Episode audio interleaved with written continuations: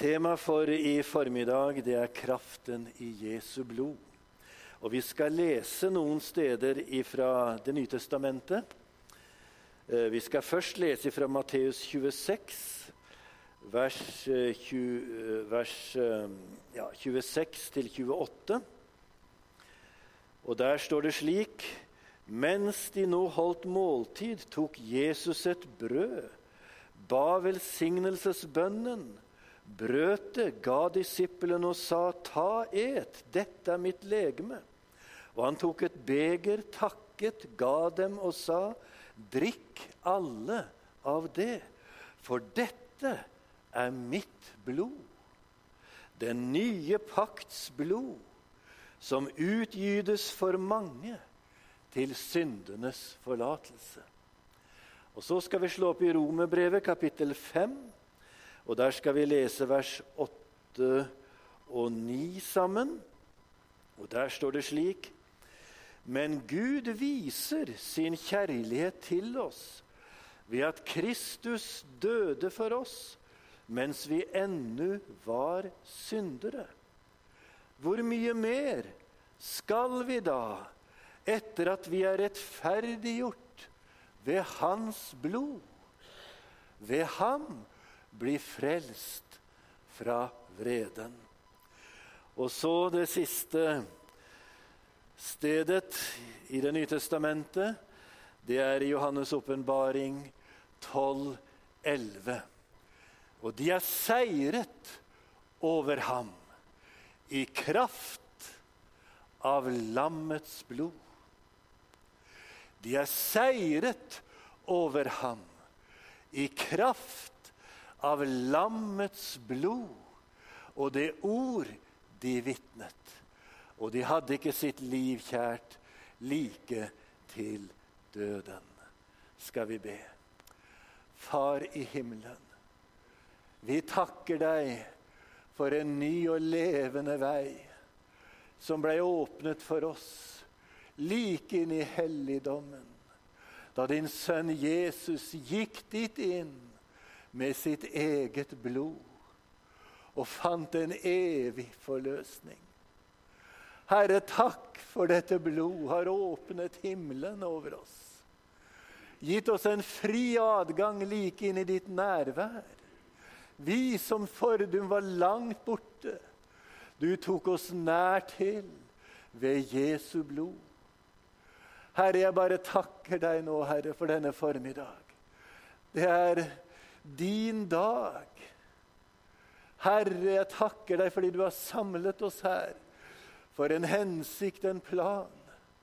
Og nå ber jeg, far, at du skal la din Hellige Ånds åpenbaringslys skinne inn i våre hjerter. Herre, vi ber om en ånd av visdom og åpenbaring over oss i formiddag.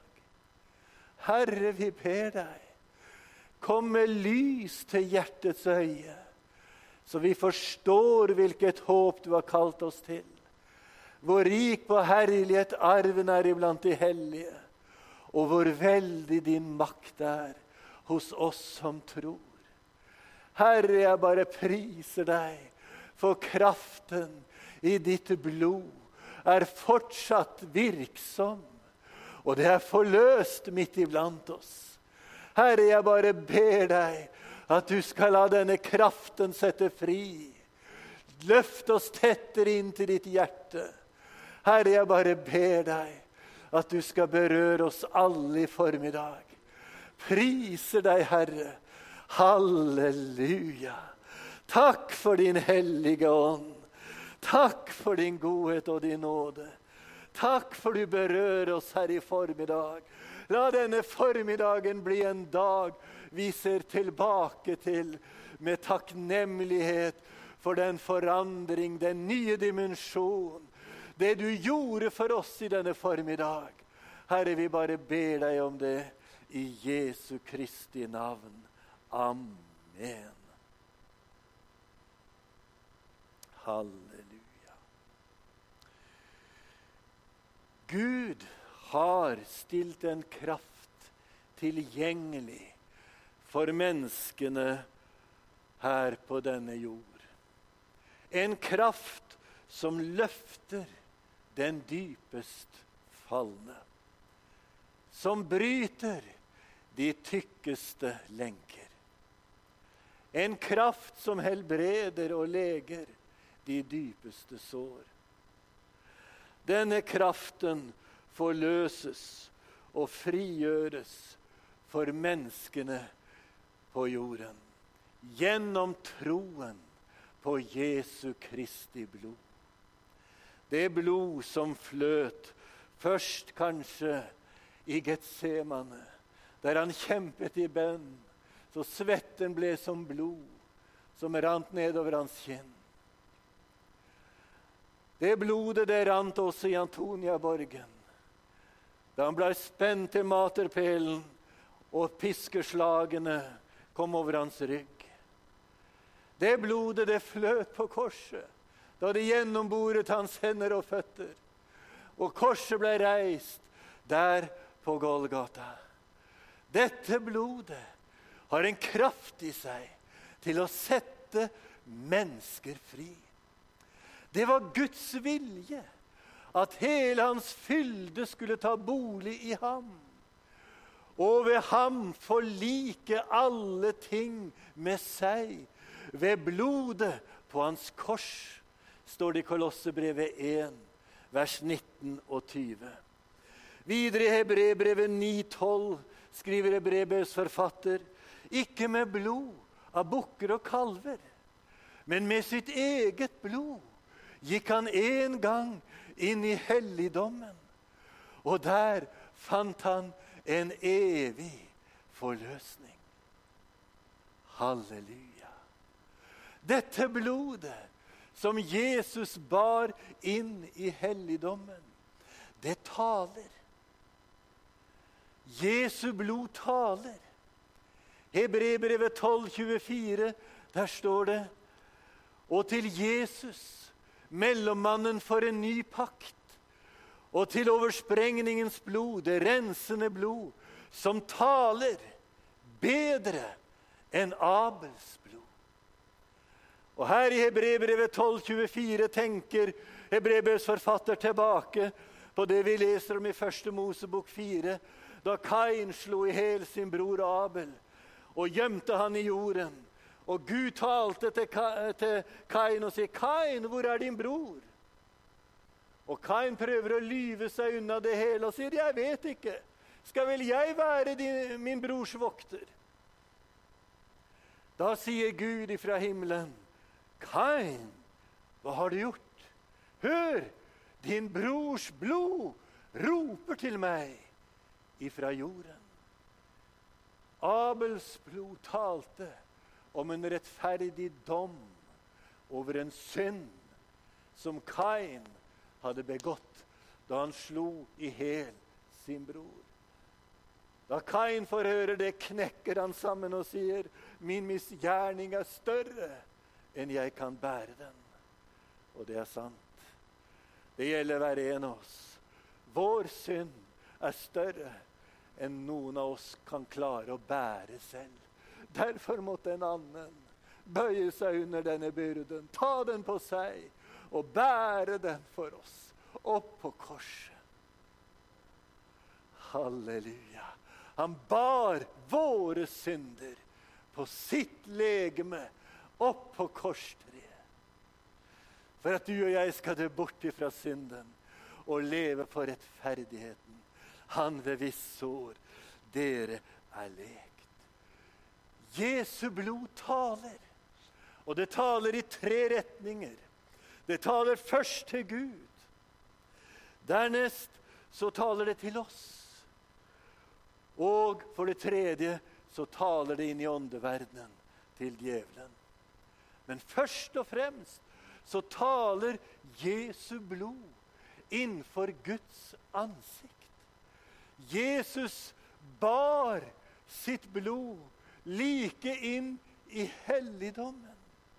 Gud er i helligdommen. Han bar sitt blod inn for Guds ansikt. Og der stenket han det på den himmelske nådestolen.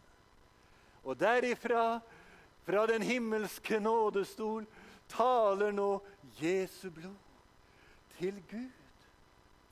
For det første så taler det om at synden er sonet. Han ble såret for våre overtredelser. Han ble knust for våre misgjerninger. Straffen lå på ham for at vi skulle ha fred, og ved hans sår har vi fått legedom. Vi for alle vil som får. Vi vendte oss hver til sin vei. Men Herren lot våres, alles misgjerninger ramme ham, sier profeten Jesajas. Og Paulus skriver i Kolossebrevet 2,14 at Jesus utslettet skyldbrevet. Det som gikk oss imot, det som var skrevet med bud, det tok han bort da han naglet det til korset. Det er det Jesu blod taler om. Det taler om at synderen har mottatt sin dom igjennom stedfortrederen. 2. Korinterbrev 5,14 skriver Paulus for Kristi kjærlighet tvinger oss, idet vi har oppgjort dette med oss selv, at én er død for alle. Derfor er de alle døde. Og han døde for alle, for at de som lever, ikke lenger skal leve for seg selv, men for Han som døde og sto opp for de. Blodet taler om at synderen har fått sin dom igjennom stedfortrederen. Jesus ble menneske for å forene seg med oss fullstendig og bli vår representant under en rettferdig dom og straff for synden.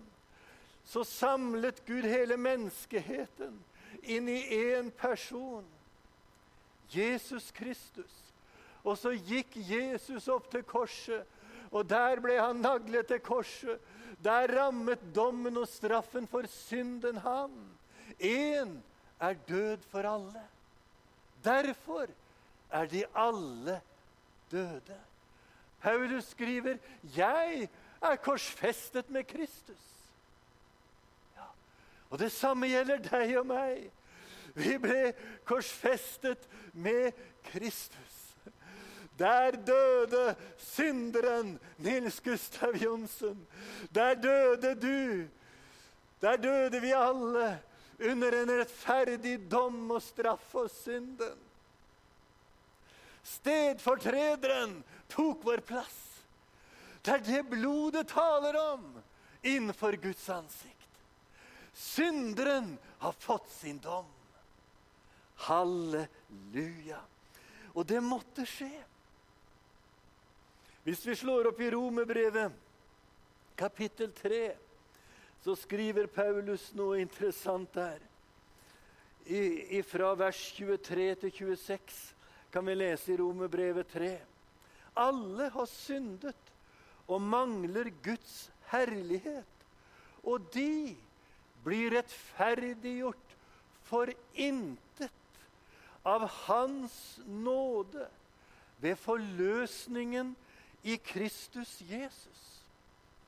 Han stilte Gud til skue i hans blod som en nådestol ved troen for å vise sin rettferdighet. Fordi han i sin langmodighet hadde båret over med de synder som før var gjort. Ved dette ville Gud vise sin rettferdighet i den tid som nå er så han kunne være rettferdig og rettferdiggjøre den som har troen på Jesus. Dette måtte skje. Jesus måtte bli gjort til synd for oss. For at vi gjennom Han skulle bli rettferdig for Gud. Synderen måtte få sin dom dersom Gud skulle uttrykke sin rettferdighet. Og ved at Jesus henger på korset og dør, så viser Gud at han er rettferdig. Det er det Paulus skriver. Gud stilte ham til skue i hans blod som en nådestol ved troen for å vise sin rettferdighet. Og det måtte skje for at Gud på en rettferdig måte skulle kunne rettferdiggjøre deg og meg. Det er ikke urettferdig at du er rettferdiggjort i dag. For din synd har fått sin rettferdiges dom. Jesus bar våre synder på sitt legeme. Det er derfor Guds sønn måtte bli menneske. Mennesket syndet. Og skal Gud ta tilbake fellesskap og samfunn med mennesket og føre oss inn i sitt nærhet, så må mennesket få sin dom. Men Gud elsket deg og meg så høyt at han ville ikke la oss stilles til ansvar for vår synd selv. Da ville vi vært redningsløst fortapt, alle sammen. Derfor måtte en hellig, rettferdig, syndfri person trå inn i denne verden og ta hele menneskehetens synd på seg. Det var den eneste mulighet for at synden skulle bli fjernet fra Guds ansikt. Og denne ene rettferdige, syndfrie personen ble gjort til synd for hele menneskehetens skyld. For at Gud skulle kunne muliggjøre frelse for deg og meg. Men vet, han døde. Han ble lagt i grav. Synden fikk sin dom. Han ble åpenbart en gang ved tidenes ende for å ta bort synden skriver Hebrevets forfatter i kapittel 9, 26, ved sitt offer. Og hvilket offer han brakte! Men hvilket resultat! Han tok bort synden.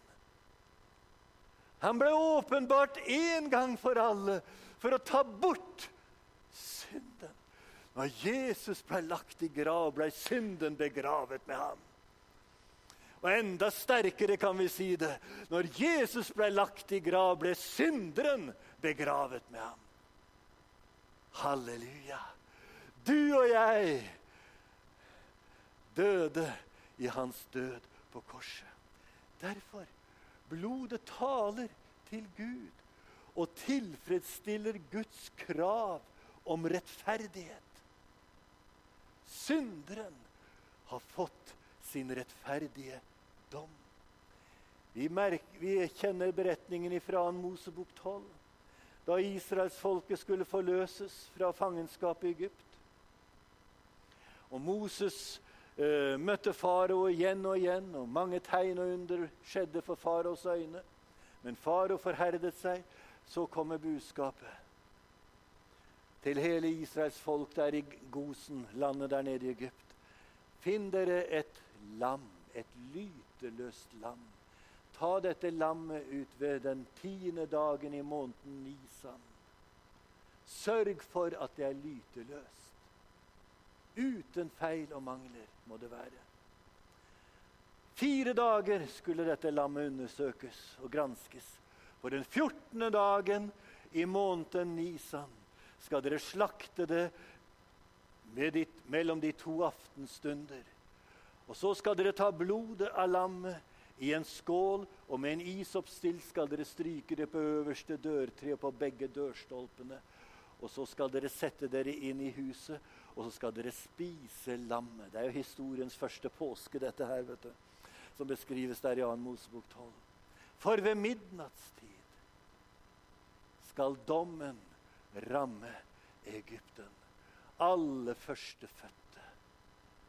Fra den førstefødte sønn av farao som sitter på tronen, til den førstefødte av trellen og alt førstefødt blant buskap og alt, det skal slås i hjel. For da skal morderengelen gå gjennom Egypten og slå i hjel alle førstefødte. Guds dom over gudeligheten. Men merk deg hva som står. Når han, altså engelen som skal utføre dommen, ser blodet, skal han gå døren forbi. Blodet var for han som var sendt for å utføre dommen. De som satt innenfor, de så ikke blodet. Og følelsene der kunne være så forskjellige. Men det avgjørende for de var at de trodde det budskap som Gud ga dem gjennom Moses, og gjorde som Moses sa, og strøk blodet på dørstolpene. Men der innenfor, der var de trygge. For han som skulle utføre dommen, så blodet. Så blodet er for Gud. Han er tilfredsstilt. Så har du tro på blodet, er du trygg uansett hva du føler. Han kikka ikke inn døren og lurte på åssen de hadde det der inne, før han bestemte seg for hva han skulle gjøre.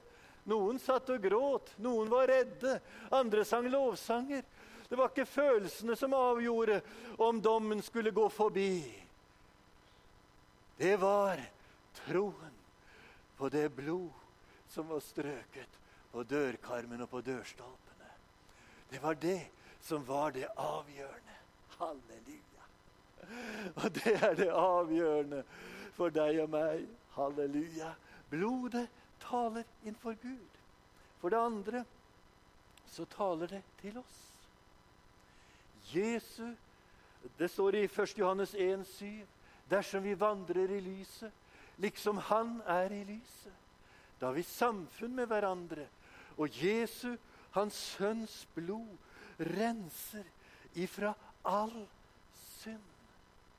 Tenk, det har hørt så flott. Det står ikke 99 selv om det ikke hadde vært så verst. Men, men det står all. Og det, så vidt jeg forstår, så betyr det 100% Jesu blod renser ifra all synd. Jeg vet ikke om du har hørt historien om Karen Nilsen og Per Øie.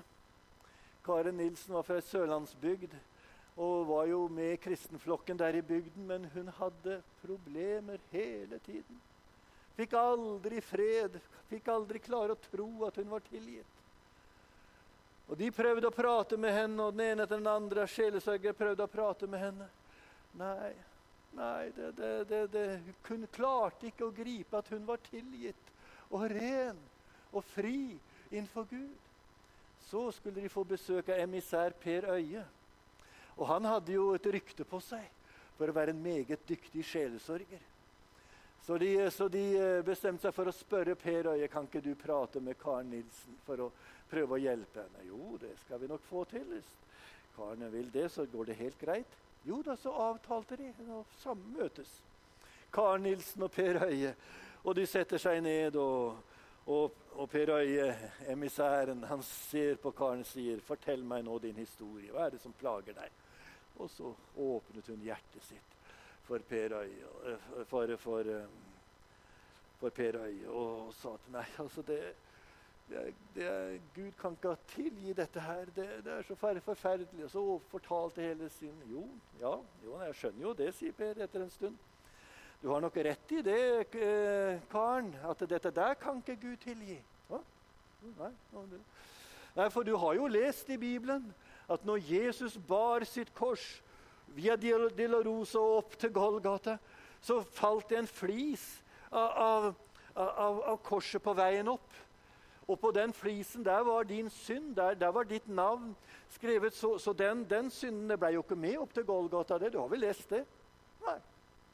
Nå ljuger du, sa Karen Nilsen. Ja, det stemmer, det, sa Karen Nilsen. Det var ikke sant. Hva er det da som er sant, sa han. Og da fikk hun se det. Også den synden, den ble med opp til Golgata på korset.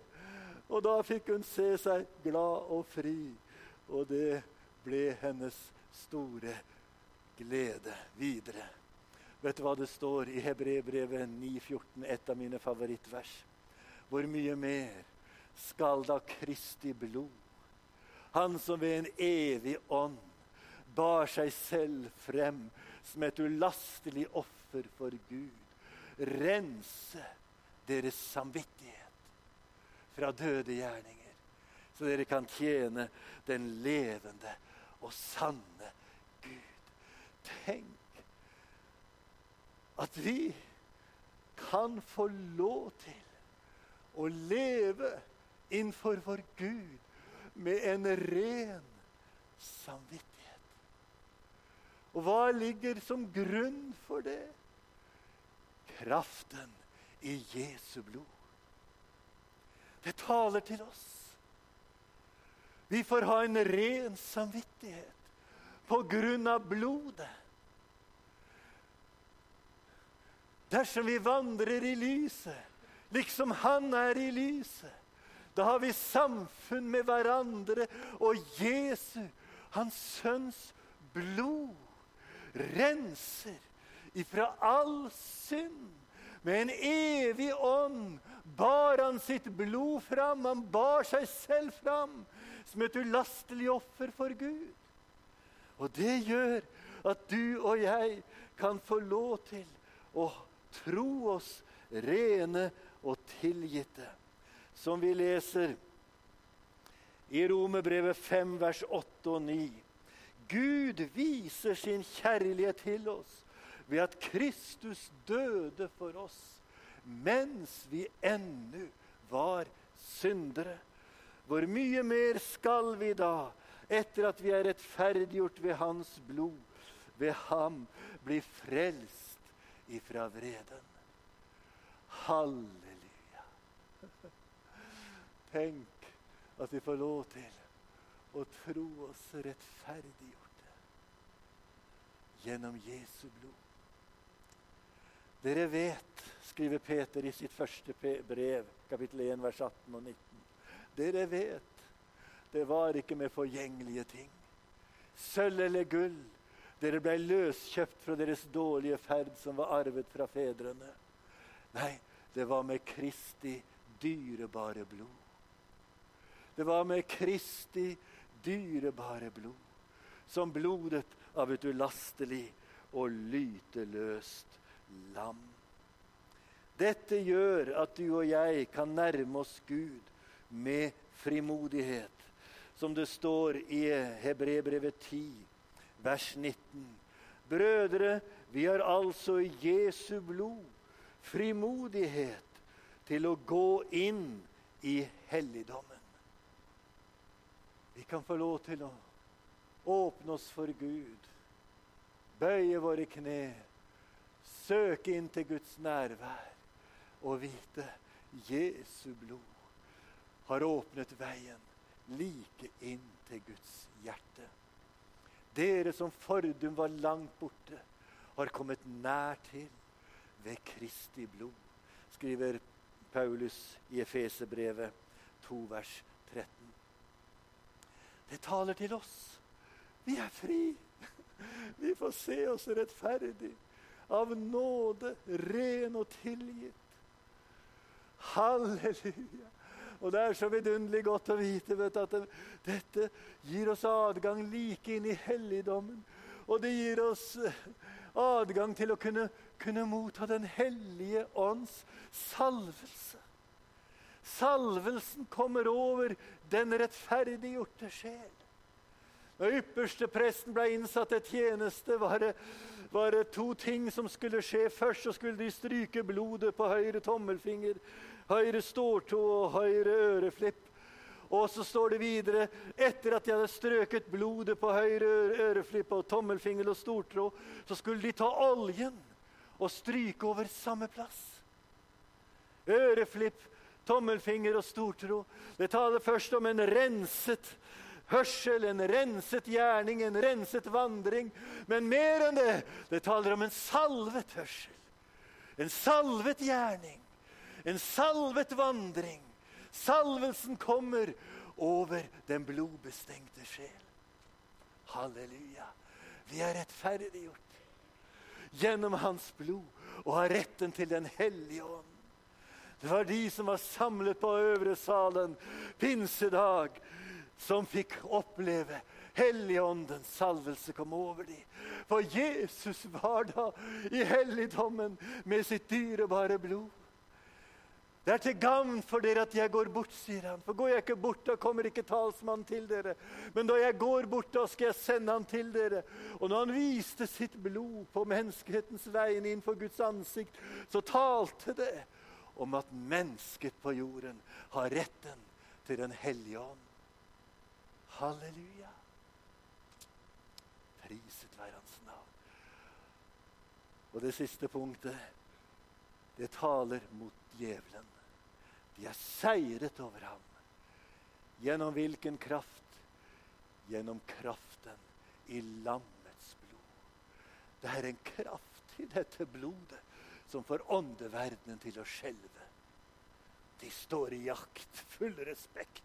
De skjønner her har de ingenting å stille opp med.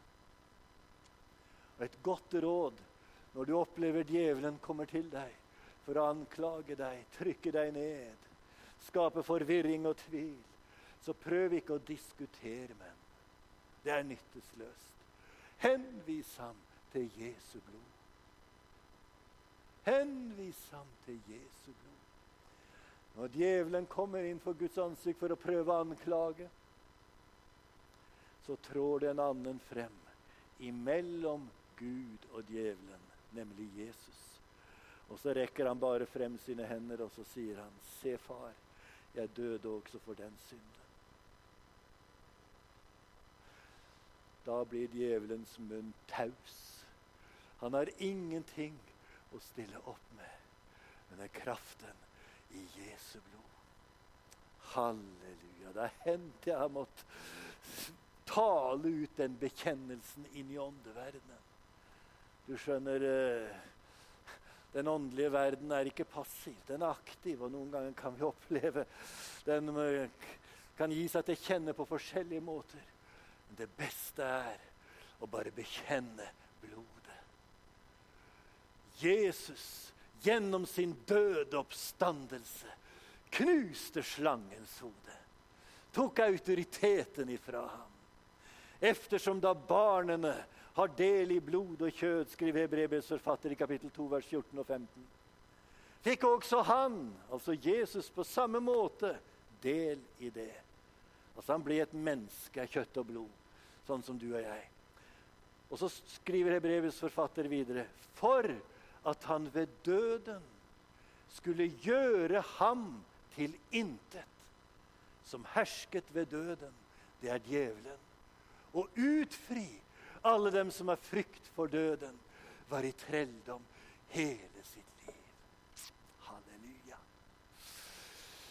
Da Jesus ropte 'fullbrakt' på korset, ble lagt i grav, sto opp igjen tredje dag, da gikk det en profeti som ble uttalt i Edens hage etter syndefallet, i oppfyllelse. Kvinnens sæd skal knuse slangens hode. Og Jesus sa selv da han gikk her nede, nå holdes dom over denne verden. Nå skal denne verdens fyrste kastes ut. Jesus beseiret djevelen, tok hans autoritet ifra ham gjennom sin død oppstandelse. Paulus skriver i Kolossebrevet 2,15.: Han avvæpnet maktene og myndighetene. Han stilte dem åpenlyst til skue da han viste seg som seierherre over dem på korset. Halleluja. Og det er det blodet taler om, skjønner du.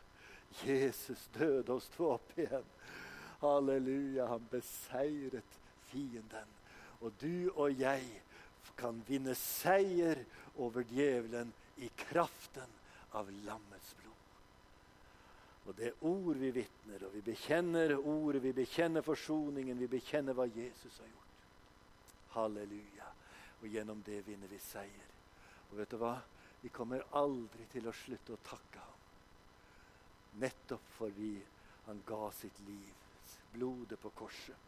Vi leser i Johannes' åpenbaring 5, vers 9. Der står det Og de synger en ny sang og sier Verdig er du til å ta imot boken og åpne seilene på den, fordi du ble slaktet, og med ditt blod kjøpte oss til Gud av hver stamme, tunge, folk og ett. Det er teksten på lovsangen i himmelen. Det er Teksten handler om ham som ble slaktet, og med sitt blod kjøpt oss fra verden til Gud av hver stamme, tunge, folk og ett. Der hjemme i herligheten innenfor tronen står en stor skare som ingen kan telle. Men de har to ting felles, minst. Det ene er at de er kledt alle i samme rettferdighetsdrakten. De lange, hvite kjortlene, de er kledt i bryllupsdrakten. Det har de felles, selv om de kommer fra alle slags folkeslag, kulturer og osv. Det er det ene de har felles. Det andre de har felles, det er sangen. Det er sangen. Halleluja. Og sangen handler om det blod som kjøpte de alle fra verden til Gud, av hver stamme, tunge, folk og ett. Kineseren som eskimoen, nordmannen som afrikaneren. Alle er kjøpt med det samme blod. Og de står der hjemme i herligheten og synger på lovsangen som handler om lammet som ble slaktet. Halleluja. Priset være hans navn.